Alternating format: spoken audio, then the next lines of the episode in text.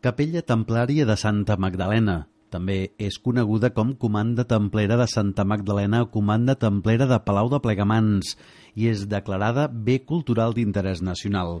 L'any 1036, l'ordre del temple disposava ja de diverses possessions properes a la Riera de Caldes, entre Santa Perpètua i Palau Solità i Plegamans. Es va traslladar a aquesta part del Vallès i es va fundar la Comanda de Palau, que és una de les primeres i més poderoses comandes del temple a Catalunya. Al llarg de la seva existència, sempre ha tingut renom i ha estat famosa pel seu poder i riquesa. A finals del segle XVII, els feligresos, davant la devoció a la santa, li dediquen l'ermita.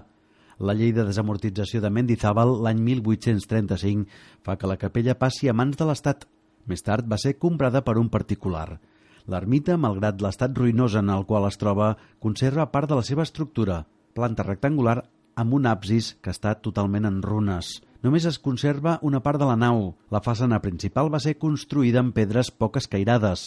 El portal d'entrada és d'arc rodó i de pedres més o menys escairades que formen el dovellat.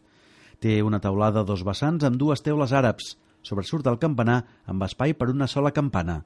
En excavacions recents es van trobar les restes humanes, probablement d'un monjo templer del segle XII, i restes de ceràmica, els objectes religiosos més importants, com el retaule de la Santa, la taula de l'altar i la campana, es traslladen a la parròquia de Santa Maria de Palau-Solità.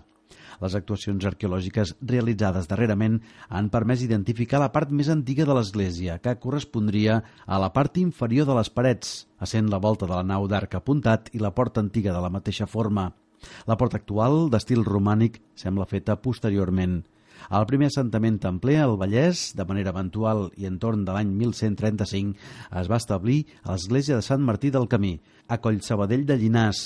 Es creu que l'església es va construir gràcies a alguna donació.